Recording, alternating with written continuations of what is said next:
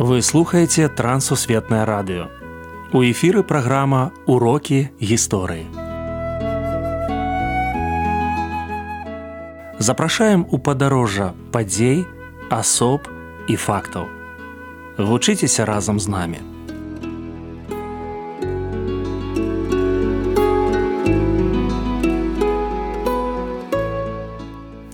Добры дзень сябры.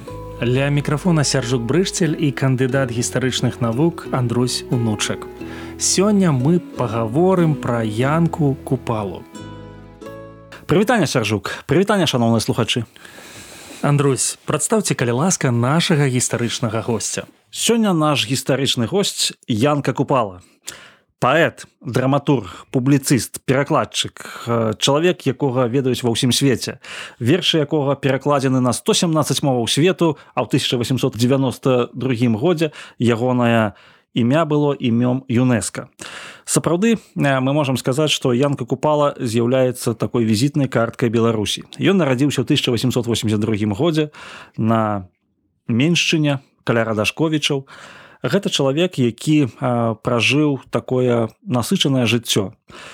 У дзяцінстве ён рана страціў свайго бацьку рана страціў сваіх братоў меў такую хатнюю адукацыю але таксама ўжо ў 1907 годзе пачаў працаваць у газеце наша ніва якая выходзіла ў вільні на той момант адзіная беларуская газета. У 1914 годзе ён стаў рэдактарам нашай нівы у час першай сусветнай вайны ён знаходзіўся ў эвакуацыі ў Маскве. Там жа ён і ажаніўся з уладзіславай францаўнай станкевич якая стала ягонай ну сапраўды захавальнікам ягонай спадчыны. Таксама я магу сказаць што янка купала ён спрычыніўся да беларусізацыі двадцатых гадоў. Ён узначальваў тэрміналагічную камісію ў 1922 годзе. І калі мы сёння кажам пра навуковую беларускую мову то гэта мова янкі купалы. У 1926 годзе ягоная п'еса была пастаўлена на сцэне тэатра у менску гэта п'еса называлася тутэйша і вось тутэйшых калі толькі паставілі іх адразу забаранілі таму што ён паказаў не савецкага беларуса. На жаль у тридцатые гады яго абвінавацілі ў нацыянал-дэмакратызме і пэўны час ён не друкаваўся і не пісаў вершаў. Ён рабіў замах нават на сваё жыццё, каб пазбегнуць катаванняў. І ў выніку вымушаны быў пісаць вершы, якія праслаўлялі савецкі лад, але сам ён іх называў дрындушкі, то бок ён не лічыў іх мастацкімі творамі. Таямніча загінуў у Маскве 28 чэрвеня 1942 году. Наколькі я ведаю, Янка купала гэта псеўданім. Як ён нарадзіўся і што значыць? Вельмі цікавая гісторыя. Да нядаўняга часу усе думалі, што ну не ўсе, скажем так, вельмі шмат хто думаў, што это звязана з купаллем, з абрадам купалля народнага свята. Але як паказваюць філалагічныя, лінгвістычныя гістарычныя даследаванні, гэта не зусім так. Рэч у тым, што Янка купала гэта літаральны пераклад з царкоўна-славянскай мовы, імя біблійнага прарока Яна хрысціцеля. То бок Янка купала гэта Ян хрысціцель. І калі мы пабачым ягоную творчасць, пачытаем яе, мы зразумеем, што сапраўды ён бачыў сваё пакліканне ў тым, каб абуджаць народ, у тым, каб рыхтаваць народ да новага жыцця, у тым, каб абвяшчаць пра прыход месіі. У нейкім сэнсе гэта яму удалося. Это быў хрысціянскі псеўданім і гэта хрысціянскі псеўданім ён і вызначыў усю яго творчасць. Якія творы янкі купалы на ваш погляд павінен прачытаць кожны беларус. Ну у першую чаргу, канешне, з ягонай паэзіі мы павінны прачытаць верш прарок. Верш на вялік дзень. Мы павінны зразумець, што ён сапраўды шматгранны такі талент. Гэта паэма курган гэта паэмы ягоная на куццю гэта п'еса тутэйшая паўлінка ну безумоўна я хочу сказаць што у большасці тых твораў якія я назваў ёсць вельмі выразны хрысціянскі матыў.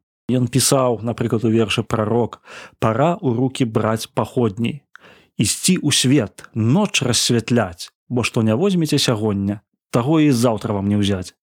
Ён абвяшчаў пра тое што час цяпер ключавы. Это быў 1912 год што трэба рыхтаваць народ да вялікіх зменаў.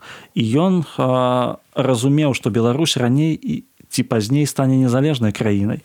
І гэта жыло ў ягоным сэрцы гэта гарэла ў ягоным сэрцы каб Беларусь стала свабоднай і незалежнай Мне напрыклад вельмі спадабаюцца словы янкі купалы пакуль жыве мова жыве народ што асабіста для вас яны значаць? Янка купала вельмі шмат пісаў пра тое што для беларусаў важна дзве рэчы. Першая рэч это людзьмі звацца гэта мець пачуццё ўласнай годнасці а па-другое быць беларусамі і вось гэта людскасць і беларускасць у ягоным светапоглядзе яны спалучаліся. І гэта ўсё яно было праз прызму беларускай мовы. Таму што без беларускай мовы нельга быць беларусамі. А калі мы не з'яўляемся беларусамі мы не можемм быць і людзьмі. І ён быў чалавекам які сапраўды казаў што ну сапраўды ёсць яго на такі твор малітва так і называецца што сапраўды вось гэта мова услед за багушевічам што наша мова нам богам дадзеная гэта было вельмі важным ягоным таким заклікам расскажыце нейкую натхняючую гісторыю з жыцця альбо творчасці янкі купала Ну, тут хочется мне прыгадаць одну такую гісторыю калі янка купала апынуўся под таким агнём крытыкі. Пісалі пра тое што вось ён працуе ў рэдакцыі газеты наша ніва якая ну прынпе нікому не патрэбная. Што гэта газета яна вось на вясковай мове. І тады ён піша вось верш такі ворагам беларушчыны. Ворагам беларушчыны называется і піша такія радкі.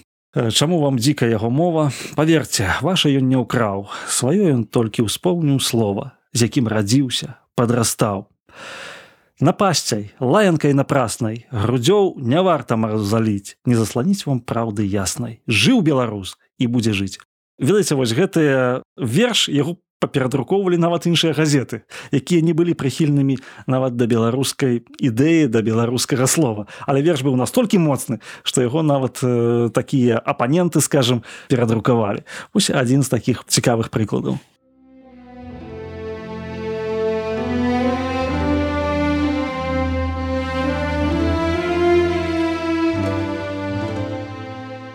Мы пачулі, што Янка купала ў сваёй творчасці для беларусаў хацеў стаць голасам у пустыне. Прасцей кажучы, накіраваць людзей да святла. У нашым выпадку любіць Богам дадзенае зямлю, карані, мову. Шкада, што ў нашай краіне мала людзей размаўляюць па-беларуску. Некаторыя нават не адчуваюць сябе беларусамі. Усё часцей сустракаюць тых, которые лічаць, што не маюць уласнай гісторыі гэта трагедыя. Вось чаму, на мой погляд, творчасць купалы сёння не менш актуальная, чым у пачатку два стагоддзя. Што я зразумеў з нашай размовы. Скажу парадаксальную рэч, якая мае дачыненне ў першую чаргу да мяне. Нам, беларусам, неабходна вучыцца шанаваць беларускае.